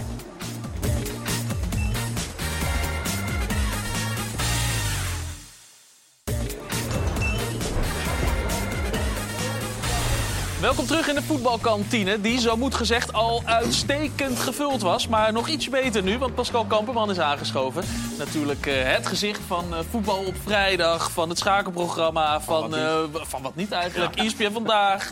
En ook eh, de man die Vitesse al lang in de gaten heeft gehouden. Ja, in, de vroege leven al, en vorig leven inderdaad, als verslaggever bij Omroep Gelderland. Ja, en zodoende weet jij alles over Ik weet niet beter dan en- dat er problemen zijn. Nou goed, we gaan het over de nieuwste problemen gaan we het zo hebben. Maar eerst even naar Milan, want die was nu dus in Eindhoven. Maar gisteren was die nog in Arnhem. En ik denk, nou gezien de financiële problemen, daar zonder ehm, donuts en eh Shawarma. deuner. Ja, goed. Laten we kijken hoe dat was daar in Arnhem. Het zijn donkere dagen voor Vitesse. De Amerikaan Coley Perry wilde met zijn Common Group de aandelen van Vitesse overnemen van de Rus Valery Oiv. De licentiecommissie van de KVB keek er uitvoerig naar, maar heeft dat verzoek uiteindelijk afgewezen. Ze hadden er niet genoeg vertrouwen in dat eh, Perry genoeg geld had. Ze konden niet goed zien waar het geld vandaan kwam. En konden bovendien ook niet garanderen dat eh, er genoeg geïnvesteerd zou worden in Vitesse in de toekomst. En dus zou de toekomst van Vitesse niet gewaarborgd zijn. Dus is de overname afgewezen. En is er heel veel ruis tussen Vitesse aan de ene kant en de KVB aan de andere kant. Want Vitesse gaat ook nog eens in beroep. Aan onze kant zien we eigenlijk dat steeds de commitments ingevuld worden. En ehm, dat die ook gewoon ehm, op een goede manier onderbouwd worden. We hebben ook zelf natuurlijk gezien dat alle informatie die we hebben overlegd, die is geverifieerd door accountants en advocaten. Ehm, dus die, en die hebben er allemaal een positieve eh, mening over gegeven. En eh, alleen de KNVB legt het langs de meetlat van de voor hun geldende regelgeving. En daar zit klaarblijkelijk een grote discrepantie tussen. En dat komt denk ik met name door ehm, het feit dat ehm, in Amerika de financiële verslaglegging anders is, volgens andere maatstaven gebeurt dan in Nederland. En dat daar met name de ruis ontstaat. Why don't you just say, okay, I invested uh, 11 million. Um, could you please pay it back with a, with a, with a, with a bit of interest and uh, I'm out of here? because I'm concerned for the club. Uh, because if we don't do something, then w- the, it's critical that the shares are transferred somewhere. Um, and it's uh, critical that we absolve this debt. I'd like to not have it paid back by the club um, because that's an anchor around the club's neck. We have to do what's right for the club right now. Yeah, but you were born in the US. You were, weren't born with a yellow black heart of Vitesse. Uh, you're in here for the investment, for the returns. That's true, right? I think I have a yellow and black heart now. After all the hours and all of the pain and all of the late nights here, um, I, I, I think that uh, I've spilled enough yellow and black blood. Colly Perry was dat, met een geel-zwart hart dus zelfs. Dat is eh, snel gegaan, Pascal. Zijn, zijn enthousiasme is mooi inderdaad, ja. Ja, geloof Was je niet vooral van? om geld gaan, denk je ook niet? Ja, hè? Klonk, Ja. klonk- heel valide. Als die twee mannen van Vitesse zo Ja, zien, dan denk dan ik is er niks aan de hand. Nee, niks aan de Nee. hand. Dan denk je wat raar dat die KNVB eh, Onbegrijpelijk. zo moeilijk doet. Ja. Maar dat is niet zo raar, Nee, toch? ja, de werkelijkheid is natuurlijk anders. Kijk, eh, die licentiecommissie die gaat echt niet over één nacht ijs. Dat is gebleken. Sterker nog, in dit geval hebben ze er anderhalf jaar over gedaan, eh, geloof ik. Nou, daar was allerlei redenen voor om, om waarom het zo lang duurde. Want het was in het begin sowieso heel onduidelijk eh, wie nou precies die aandelen zou krijgen en noem maar op. Dus dat heeft een hele tijd geduurd. Nou, in die licentiecommissie zitten juristen, er zitten financiële experts en noem maar op. Dus die, die kunnen dat ook echt wel beoordelen. En ja, de regels zijn tegenwoordig gewoon heel scherp. Je moet echt heel duidelijk kunnen aantonen waar dat geld vandaan komt, wie daarachter zitten, wie de investeerders zijn en hoe die stromen zijn. Ja, in Amerika zijn ze inderdaad volgens mij niet zo gewend om de boekhouding echt open en bloot op tafel eh, te leggen. Maar dat moet bij de licentiecommissie van de KNVB wel. Hij is ook eigenaar van, van eh Pato IJsden. IJsden. Ja, maar in. België is, zijn die regels ook anders. Daar gaat het allemaal iets makkelijker. Leighton Orient in, eh, in Nederland Ja. is hij ook nog een, een deel, niet helemaal. Maar dat is alleen maar goed dat die regels in Nederland zo streng zijn. Want- Ja. En die zijn notabene door de clubs zelf samengesteld. Ook is Vitesse uiteindelijk ook akkoord meegegaan, eh, jaren geleden. Maar het beschermt clubs gewoon op een, op, een, op een goede manier. Want je loopt enorme risico's. Dat- Dat blijkt hier wel eigenlijk. Als je hier maar gewoon mee in, zee was gegaan... dan had je over vijf jaar eens moeten kijken waar je, waar je zou staan. Want voor hetzelfde geld is die hele eh, club kaal geplukt en, en volgepompt met schulden. hè. Het kan ook niet. Want het kan ook zijn dat het wel allemaal klopt en dat het allemaal goed is en Maar dat je moet goede bedoelingen Maar heeft. Pascal, En, dat, dat is toch... eh, wat de licentiecommissie vraagt, is niet onmogelijk. En dat kunnen ze dan toch heel duidelijk laten zien. Van joh, hier kan, ik, kan ook, ik kan ook een bedrijf laten zien Zeker. die 100 miljoen, goed, goed zijn voor 100 miljoen. En dan zeg je eh, aan die licentiecommissie... ja, maar kijk, dit is een bedrijf, dit is een BV... en ja, dat zit in Amerika, Ja. maar dat is goed voor 100 miljoen... en die gaat dat dan doen. Ja, maar dat wil toch niet Nee, maar- zeggen dat dat ook echt gebeurt? Nee, maar gisteren op de persconferentie kwamen er ook allerlei vragen over. En dat, dat werd op een gegeven moment zelfs een beetje gênant. Want hij zei, ja, ik ga hier niet lopen vertellen waar mijn geld vandaan komt... en hoeveel ik heb en zo.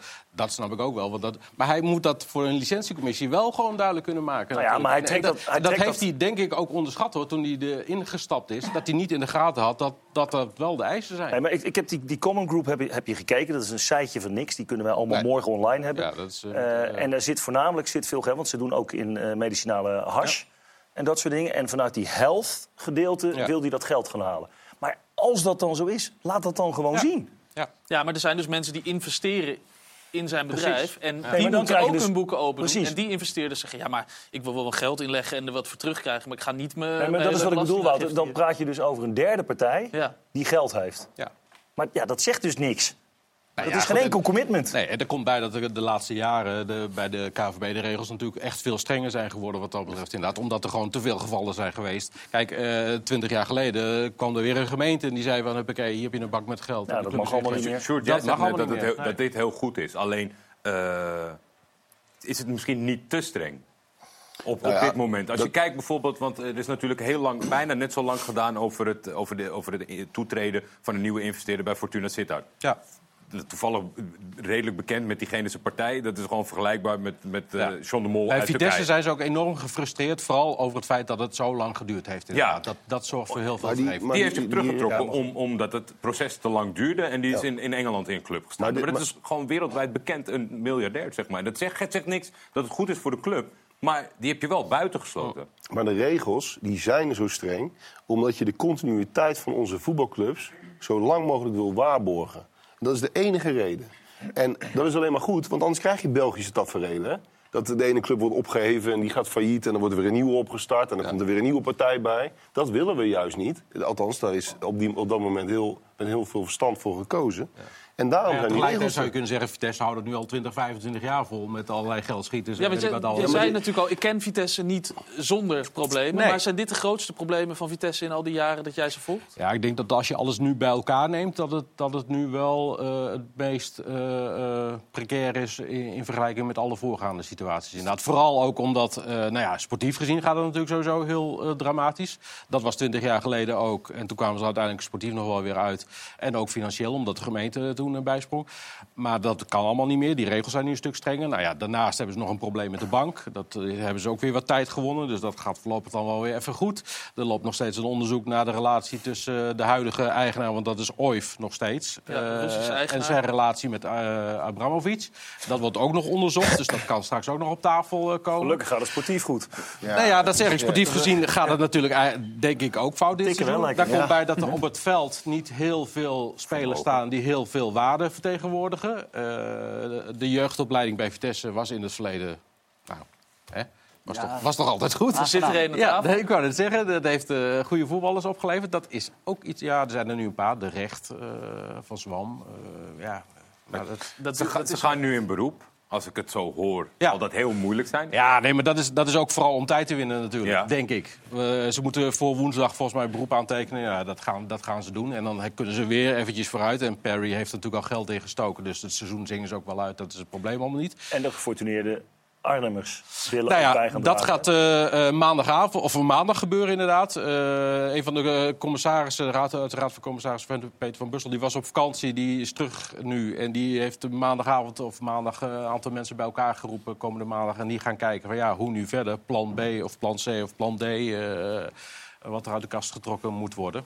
Maar dat zou is- zijn dat zij invest- gaan investeren. Of... Nou ja, kijk, feit is dat de laatste nou, 20, 25 jaar eh, Vitesse niet meer baas in eigen huis is geweest. In dat opzicht financieel gezien. En dat ze niet zelfstandig hebben kunnen functioneren. Altijd geld van buitenaf hebben moeten halen. Ik denk dat het nu wel het moment is dat het echt rigoureus de andere kant weer op moet. En dat ze echt gewoon weer baas in eigen huis, ook financieel gezien, eh, worden. Dus dat zal voor een deel met Perry zijn, want die heeft al geld ingestoken. Nou ja, dat moet terug. Eh, dan zal er niet nu een investeerder opstaan die zegt van... nou, ik begin wel met 12 miljoen naar eh, Perry eh, te brengen... en dan zien we er nou wel weer verder. Maar ze, ze hebben een unieke kans, een unieke kans laten liggen, anderhalf jaar geleden. Ja. Want die Russen stapten eruit, Oost stapte er in feite uit. Die, die, heeft die, die schuld eigenlijk kwijtgescholden. 155 miljoen. Dat was het ideale moment om, voor Vitesse om te zeggen... oké, nu gaan we back to basics. Nu gaan we eventjes gewoon weer een normale club zijn. Daar is er een risico aan, want je moet bezuinigen... en misschien degradeer je wel een keer. Maar dan had je op een normale manier die club kunnen gaan runnen. Toen hebben ze het Toch risico weer. genomen om met deze man in zee te gaan. Ja, sorry, eigen schuld, dikke bul. Maar waren Ik die hoop- investeerders toen ook geïnteresseerd om te helpen? Die die nu dan zijn, die gefortuneerde... Nou ja, goed, kijk, het zijn natuurlijk bedragen, eh, die heb je niet zomaar even op tafel liggen. Er zijn, nee, ja, zo simpel is het ook. Eh, er zijn, kijk, eh, Jan Snellenburg, eh, die heeft in het verleden heel veel, ook volgens mij uit eigen zak, die zit nu in het raad van advies, eh, geld bijgelapt. Ja, dat gaat hij niet meer doen. Karel Albers. Eh, Karel Albers, ja goed, maar daar is misschien zelfs voor een deel het probleem ooit wel begonnen ook. eh, met al zijn ambitieuze plannen. Bremen- Maar je, je, moet, je moet een paar mensen nu vinden die wel geld uit de businessclub of wat dan ook, die geld bij elkaar eh, leggen. Dan kan Perry nog een aandelenpercentage hebben van 24,9, want dan hoef je niet langs die licentiecommissie. Ja. En de rest zul je dan toch zelf bij elkaar moeten haken. Ja. Ja. Brahim, jij hebt net als Colin Perry een eh, geel-zwart hart. Je bent daar, daar, daar opgegroeid. Jij echt. Ja. Hoe is het om je club zo...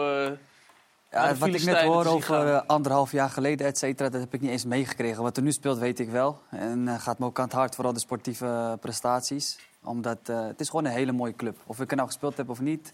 Het is gewoon een hele mooie club, ook voor andere tegenstanders die daar komen in het stadion. Het is gewoon ja, een mooie clubs. stad. En dan voor mij is het natuurlijk dat ik daar... eh, daar ben ik een speler geworden. Ik heb daar voor het eerst voor het Nederlands elftal onder 15 mogen spelen. Onder 17, onder 18, EK.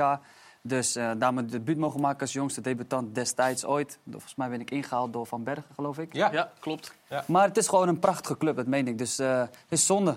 Maar het kan altijd... eh, het kan In, jou- altijd... in jouw tijd was Jordania, denk ik eigenlijk. Ook ja, dus dat was voor mij ook lastig met doorbreken. Want we hadden een hoop jongens van Chelsea Die op dat ook moment. Die, eh, die Ja. ook moesten spelen. Hoeveel, ik, hoeveel dat ik ook was in, jouw, scoorde. in jouw tijd was dat een ander kaliber dan dat ze later Ja, ja, ja. hè? Want wat waren ongeveer de spelers die toen... eh, Ik weet nog dat we op een gegeven moment van Arnold kwam, maar dat was verdedigd. We hadden Kakuta, Piazon, die deden het ook uitstekend. Eh, Mason Mount. Die kwam nog, ja, Matic. Traoré hadden we. was eerder. Louis Baker, ja, we hadden, er- we hadden, er- we hadden echt Louis een hoop. Ook Thomas goed. Callas, dat was ook een atleet, rechtsback. Ja. Dus eh, ja, we hadden op een gegeven moment zoveel spelers van Chelsea dat het... eh, Maar, ik- maar jij zegt het is een prachtige club. En ik snap dat het voor jou, omdat je er dus bent opgegroeid, Ja. dat dat zo is. Maar er wordt ook wel eens lacherig over Vitesse gedaan. Te groot stadion. eh, eh, wat, wat maakt die club zo mooi? Eh, een beetje wat ik ook bij andere clubs had. Dat het een beetje een familiaire sfeer is.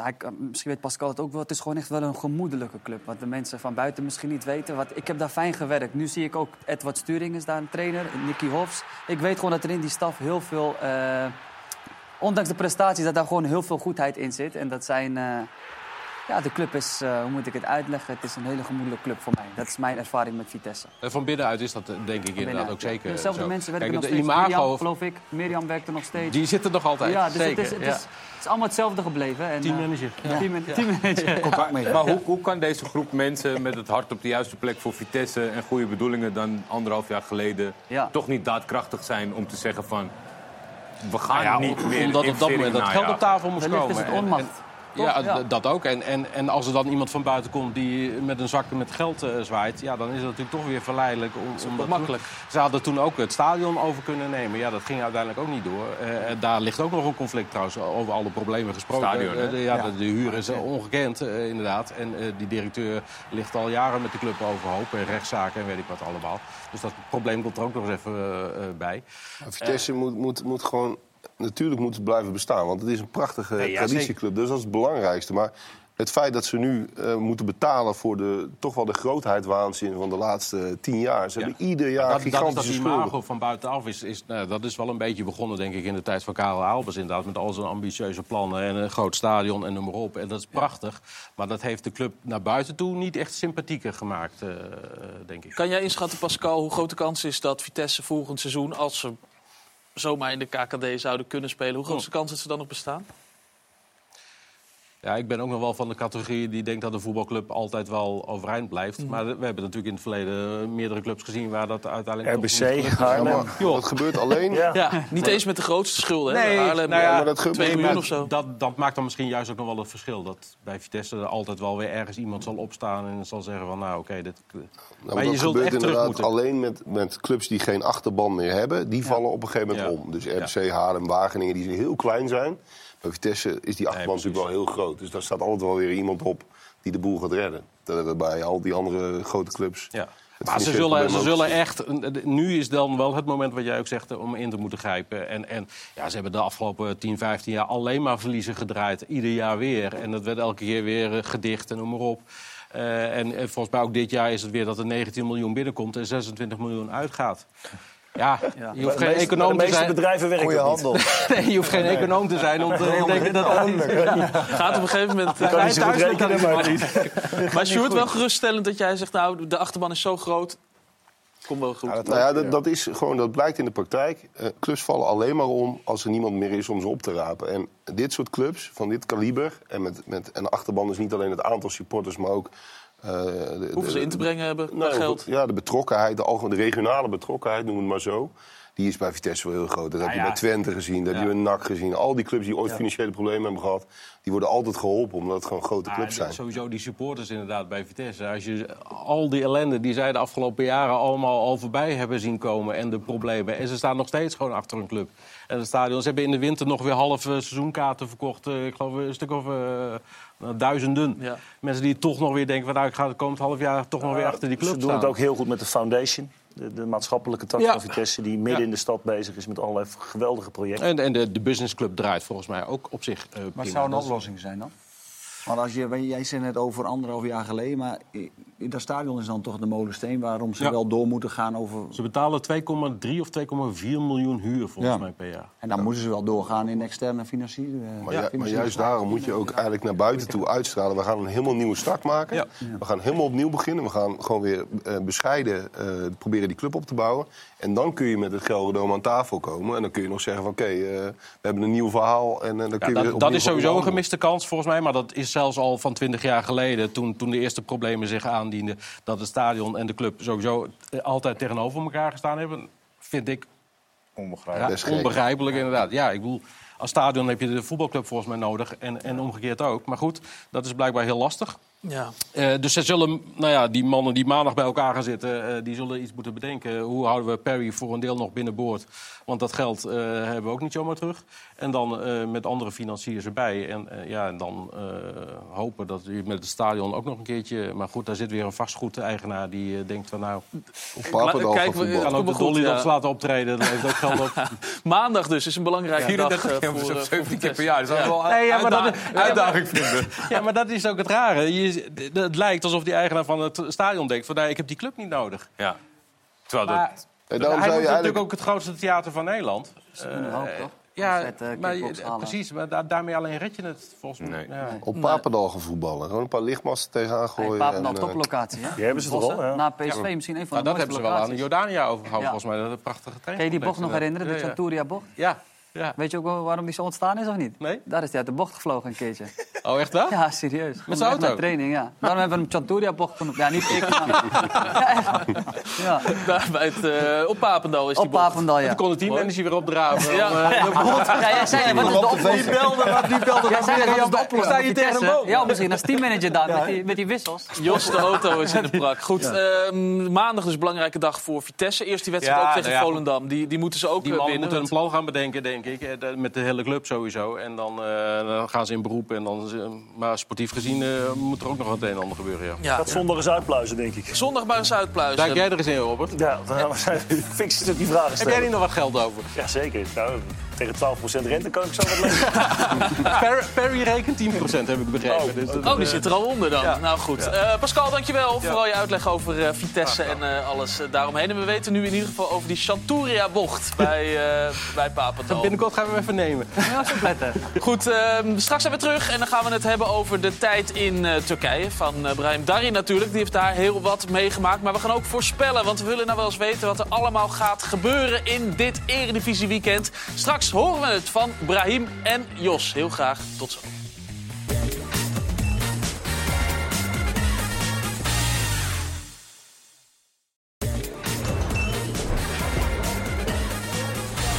Welkom terug in de voetbalkantine, waar we het net eh, uitgebreid hebben gehad over eh, Vitesse en alle sores daar. Brahim Dari natuurlijk uh, oud-Vitessenaar. Maar Jordi, ja, het moet gezegd, toen jij hoorde dat eh, Brahim zou komen hier... had jij wel wat duizend en één vragen over eh, Turkije.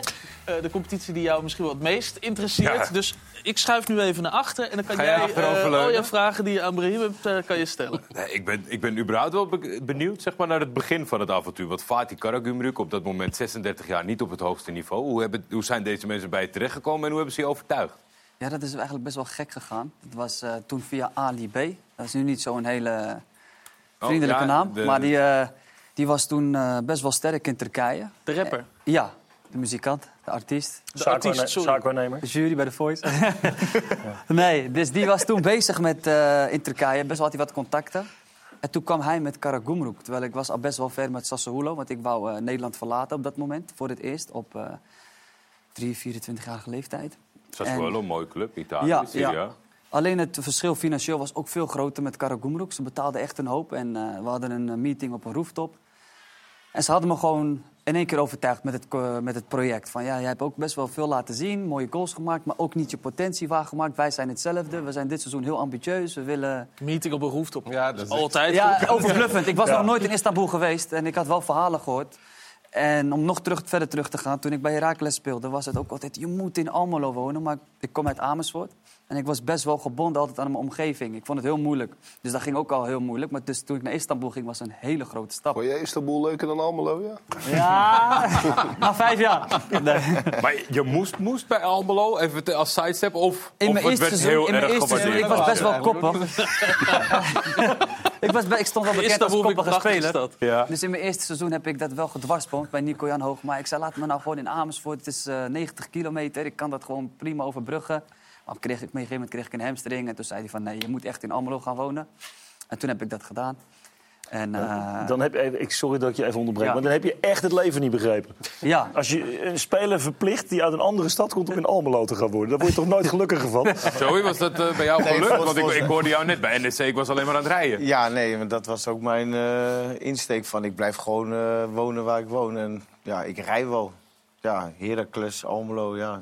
Dat was een goede tijd denk ik dan in Almelo, of niet? Ja, het was wel een mooie tijd, ja. Maar het was ook dat ik op een gegeven moment in dat eerste seizoen... dat ik daar niet wou eh, wonen. Toen ging het goed. Beste jaar. Toen moest ik ook gewoon, zeg maar, één dag voor de wedstrijd... moest ik serieus bij Dinant slapen. Dat was iemand van het bestuur. Maar die had twee dochters. Dus eh, ik zei, dan ga ik niet meer slapen. Nee, joh. nee dat heb ik twee weekenden volgehouden, maar... eh, niet meer wakker. Nee.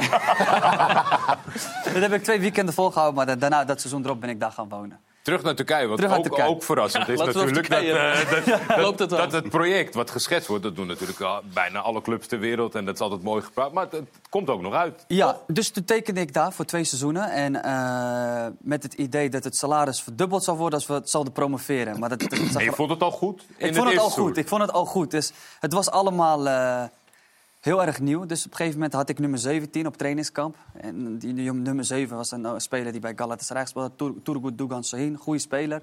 Ja, die zag mij bezig en die gaf dus op een gegeven moment ook gewoon zijn rugnummer aan mij. Hij zei, nee, jij moet met 7 spelen. En het ging echt met de wind in de rug, moet ik eerlijk zeggen. Mhm. De eerste week, ik scoorde meteen de eerste wedstrijden op rij. Ja, en wij promoveerden. Maar ik heb zoveel meegemaakt in het eerste jaar. Ik heb vijf trainers gehad in één seizoen. En eh, we stonden elfde in de winterstop. En was het iets van tien nieuwe spelers. Had hij bij elkaar gekocht, geraapt, transfervrij. Ja, en toen hebben wij eh, toch die promotie eh, voor elkaar gekregen. En dat is persoonlijk, ik denk los van Europees voetbalharen met Heracles... denk ik toch wel de mooiste eh, prestatie. Omdat wij dus in de winter elfde stonden en die club 36 jaar niet gepromoveerd. Toen zijn wij dus naar de hoogste league gegaan. contract verdubbeld. Ik was toen heel dichtbij een transfer bij, uh, naar Venerbahce. Dat was ook Klopt. volledig in het nieuws. Alleen de trainer die later dan mij zeg maar, werd gehaald, die wilde het niet. Dus, en ik had een prima salaris, die was verdubbeld. Ik was ook oké bij Karagumruk, is ook Istanbul. En uh, ik wist dat ik daar altijd zou spelen. Wel wat anders dan Fenerbahce Ja, ja toen ik dat alleen al meemaakte, zeg maar. De, ja. Is het een mooie club? Toen het speelde. dat wil hij niet zeggen, hè? Een grote club. Ja, het is een grote club. Een hele grote club. maar de trainer... Wel gevoelig, ja. Wil ik gevoelig? ja. Bij Galatasaray en uh, Jordi. Ja. Ja? Ja, ja, zeker. Serieus? Kan je niet genieten van Fenerbahce? Nee, nou, genieten... De, de, nee. Ja, nee. nee. ja, maar zijn. Nee, de verkeerde kant van de stad. Uh. maar ik moet zeggen dat ik... ik, het is, uh, uh, ik volg de competitie, de tweede niveau, niet op de voet. Maar toen zag ik dat bericht voorbij komen. En toen heb Ja. ik het een beetje opgezocht. Ja. En je was gewoon heel lekker bezig. Want anders komen dat soort clubs niet bij je aankloppen. Nee, precies. Waar heb je met Pirlo uh, gewerkt dan? Dus dan kom ik terug. Dus toen ben ik gepromoveerd. Gaat te snel. ja, ja, dat was een, uh, ben ik gepromoveerd. En daarna ben ik dus uh, naar een andere club gegaan in Turkije. Dat ging ook hartstikke goed, hartstikke leuk. En daarna had ik zoiets van, ik wil, ik wil weer een, stap. Uh, als ik eenmaal geproefd had aan het buitenland, dacht ik, ik ga nog verder weg. Toen ben ik naar het Midden-Oosten gegaan, naar Qatar. En toen is Pirlo naar Karagumruk gekomen in de zomer. En ik ben dus ook in de zomer naar Qatar gegaan. Dus ik ben hem misgelopen. Maar het was voor mij... Ik denk, hoe krijgen ze dat voor elkaar bij Karagumruk? Hij kwam dus rechtstreeks vanuit Juventus, weet je wel? Hij had niet nog een tussenclub. Dus ik denk, hoe krijgen ze dat voor elkaar? Hij heeft het niet fantastisch gedaan bij Juventus. Niet fantastisch dat is gedaan. natuurlijk, maar dan is naar Karagumruk Maar wel naar een grote stap. ga dan naar Venerbahce Ja. of naar Galatasaray. Toch, als ik Ja. eerlijk mag zijn. Ik, hoe groot waren die checks? Toen jij wegging, Ja, dat vraag ik me langzamerhand al een beetje af. Ik ben nog aan het wachten op mijn geld. Nee. Ja, oh ja, dat, dat wel. Ja, dit is het shirt toef, uh, trouwens. Die heb ik meegenomen. Dat is van dit seizoen. Dit is de aardbeving van Hatay, dat weet je ook wel, ja. dat plekje. Nummer 11, die dwongen we wel af, maar ik zat nooit bij de eerste 11. dus ik laat hem hier achter. toen ben ik, uh, toen ik in Qatar zat, had, werd ik gebeld door de sportief director. Want hij had nog een bedrag openstaan bij mij. Van kunnen we jou, uh, zonder dat je ons blokkeert voor de transferwindow, terughalen. Maar je kan alleen meetrainen, want we kunnen je niet registreren. Maar Pirlo is hier, dit is een mooie kans. Nou, toen heb ik twee keer getraind en uh, toen heeft hij twee buitenlanders weggestuurd voor mij. En heeft hij mij toch geregistreerd. Alleen toen kreeg ik het aan mijn hamstring, maar met hem alleen al werken was voor mij uh, fantastisch. Want ik kon toen ook naar Cambuur, was toen eredivisie bij Rob Alve. Daar had ik ook vriendelijk voor bedankt. Ik zeg, ik kan met jou werken of met Pirlo. Ik kies nou toch voor Pirlo.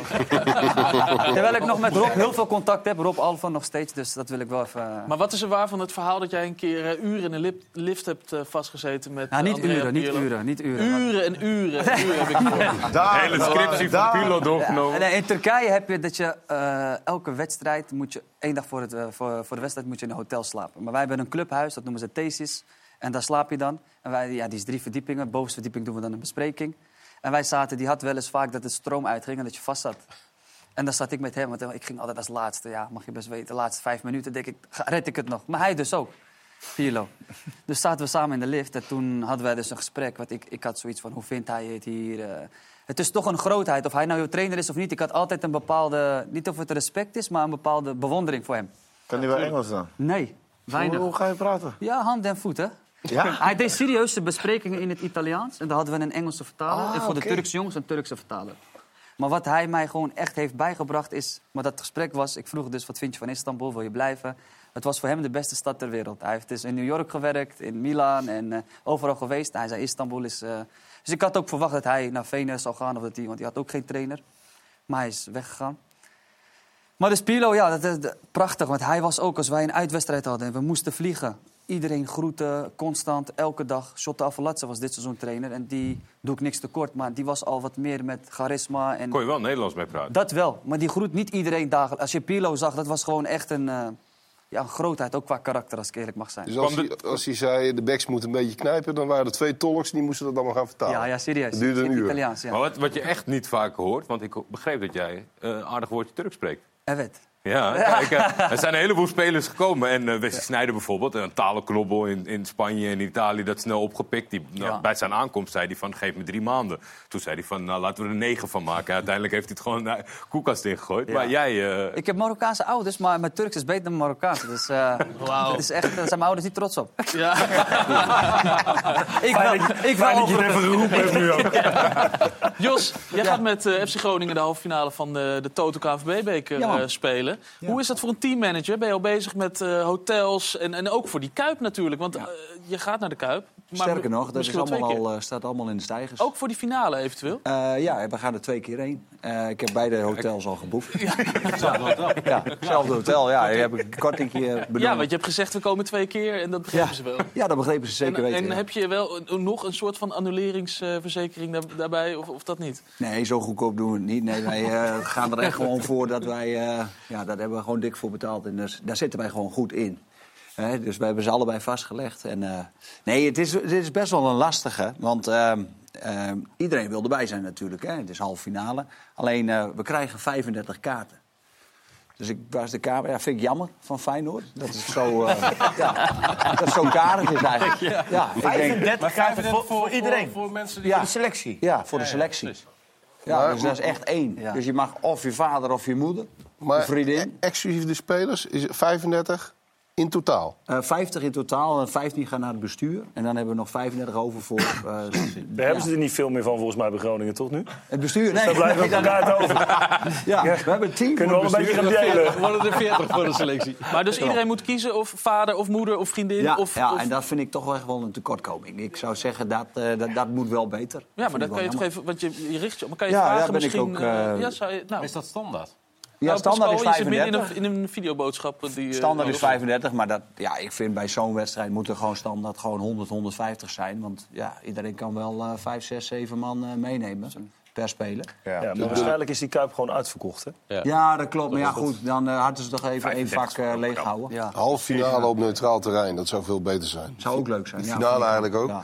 Maar de loting is zo bepalend in zo'n bekertoernooi. Als je een wat kleinere club bent, dan ben je zo afhankelijk van of Doen ze je... in Engeland Ja. wel, hè? De halve finale ook. Wembley. Ja, precies. Ja, gewoon neutraal. Maar ja, dan was hij ook in de Kuip gespeeld waarschijnlijk. Ja, want er is geen Wembley. Dus ja. Nee. Nee, maar dat is niet erg. Nou ja, maar dat doen ze soms. ieder geval de helft van de kaas. Dat doen ze dan op Villa Park, dus dat zou dan bij ons eh, in Eindhoven zijn. Dat, Ja. dat zou toch kunnen? Ja, nou, ik ben het met je eens. Ja. ja, het is wel goed, want het is eh, 50-50 geloof ik, eh, de recette. Nou, Ja, klopt. het gaat door de helft. eh, ja. Dat is wel zo. Dus Ja. dat is een, dat is een, dat is een Maar je krijgt nog wel kaarten voor supporters ook gewoon. Voor het uitvak. Ja, de uitvaak, ik Ja. geloof 500. Ja, die zijn ook al weg. Kunnen ook vaders en moeders ook in. Ja, nee, ja, nee, die zijn ook wel. eh, dat gaat echt wel naar de supporters toe zelf. Dus ja, die kunnen niet. eh, Maar leeft het, hoe, hoe erg leeft het? In, in Groningen, maar ook bij, bij jullie in de selectie? Eh, ja, dat was, eh, het was wel een beetje een deceptie, zeg maar. Dat wij eh eh Feyenoord loten. Je had zes kansen. Nou, dan heb je drie thuis, dus 50-50, weet je wel. Dat zou gewel- geweldig zijn als je thuis loodt. En dan was dit wel de allerminste. Ja, ja, ja, ja, ja. Toch? Ik zie Pascal, ook, eh, die probeert mee te rekenen. Aap de Mos rekensom inderdaad. Zes kansen. Hoezo Ja. zo zes kansen? Nou Uit ja, er thuis. zitten vier clubs. Ja, dat snap ik. Ja, dan heb je toch zes wedstrijden. Ja, er zijn drie, drie mogelijke tegenstanders. Ik ging te Uit snel. Uit thuis. Kijk, ja, als jij nee, ja. vier... Ja, dan kun jij zes wedstrijden Ja, dat snap krijgen. ik, dat snap ik, dat snap ik. Ja. Ja. Dus dat bedoel ik. En dan heb je er dus 50-50 natuurlijk. Hè? Dat Ja. is bij, eh, Maar goed, dat was mooi geweest als wij... Dat, dat was het mooiste geweest. Een van die drie gewoon thuis. Nou, daarna ga je kijken van als je dan toch uit moet... dan heb je Cambuur en Nek. Nou, dat ook prima. Dat zijn dus van de vijf...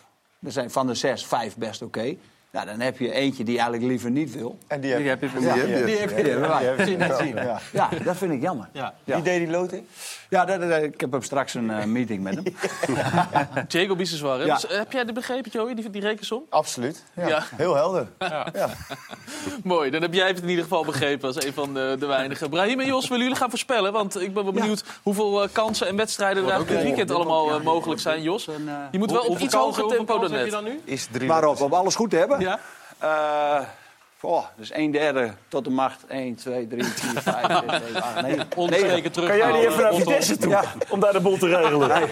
It's not just a pretty face, zeggen ze in Engeland. nee, ik zet En Brahim, jij bent eh, al die tijd goed op de hoogte gebleven van de Nederlandse competitie, Eh, of niet? Ja, ik heb het wel gekeken, ja. Eh, moet ik Heracles Je mag ook die eh, eerst invullen, aan de andere kant. Ja, dan schrijven jullie naast elkaar. Nee, ik, eh, En Jordi ja, doet een verslag van het, eh, het invullen. op dit moment valt het ja. invullen Dan een heb beetje ik ook nog stil. een beetje tijd om te kijken wat jij doet. Beiden denken dat PSV gaat winnen van Heracles thuis, net als Milan van Dongen. Verrassend. Ja. Een niksje. AZ, veel vertrouwen in. Die eh, mogen eh, dan voor beide de eerste keer gaan winnen onder Maarten Martens. Uit bij Fortuna Sittard. mooi. Hier pak ik. Jozef Sparta Excelsior gelijk. X'je. Ja, Rotterdamse derby. Hier heb ik. Zeker. is ook een X'je, jongens. Oh, maar hij laat Heerenveen ook niet winnen, hè? Ja, ze hebben nu gewonnen van? Ajax, dus die zweven en Eagles komt Die daar goed weg. Ik, eh, ik vind, Ik Willemsen NEC is nog steeds ik Twente, Utrecht ik lastig. hoor. Twente die thuis wint van Utrecht volgens Jos. NEC wint van Ajax volgens Jos. Hier pak ik een... eh, Zo'n opmerking. We hebben nog het is echt 40 een minuten zaak. uitzending. Dat wordt altijd een gelijk spelletje. Spannend. Hier. Ja, dit wordt echt spannend om het te halen. Ja, en anders ik het wel. thuis NEC een beetje geen 0-0, de, jongens, tactiek hanteren af. Ik moet Wil je deze aan van Vitesse. Ik moet deze aan Vitesse geven. Ja, Vitesse, heel goed. Tuurlijk. Ik, ik moet die Vitesse geven. En Feyenoord wint twee keer van eh, RKC in ieder geval. Opvallend dat Brahim dus NEC niet laat winnen. En Jos doet dat dan wel. Brahim, heel veel plezier met je nieuwe club die ongetwijfeld gaat komen, want je hebt hier gezeten. Dank jullie wel. dankjewel. Robert bedankt, Pascal bedankt, Jos bedankt en eh Sjoerd bedankt. En u natuurlijk thuis bedankt voor het kijken. Wij zijn er eh, volgende week weer. Hierna ISPN Vandaag. Daarna natuurlijk voetbal op vrijdag met al die prachtige wedstrijden uit de keukenkampioen-divisie. Daarna weer ISPN Vandaag en daarna voetbalpraat. Gaat gaat Pascal Kamperman weer aan de bak. 11 uur begint hij, E ESPN 2, half 12 ESPN 1. En sowieso zit je het hele weekend goed op E ESPN. Bedankt voor nu, tot later.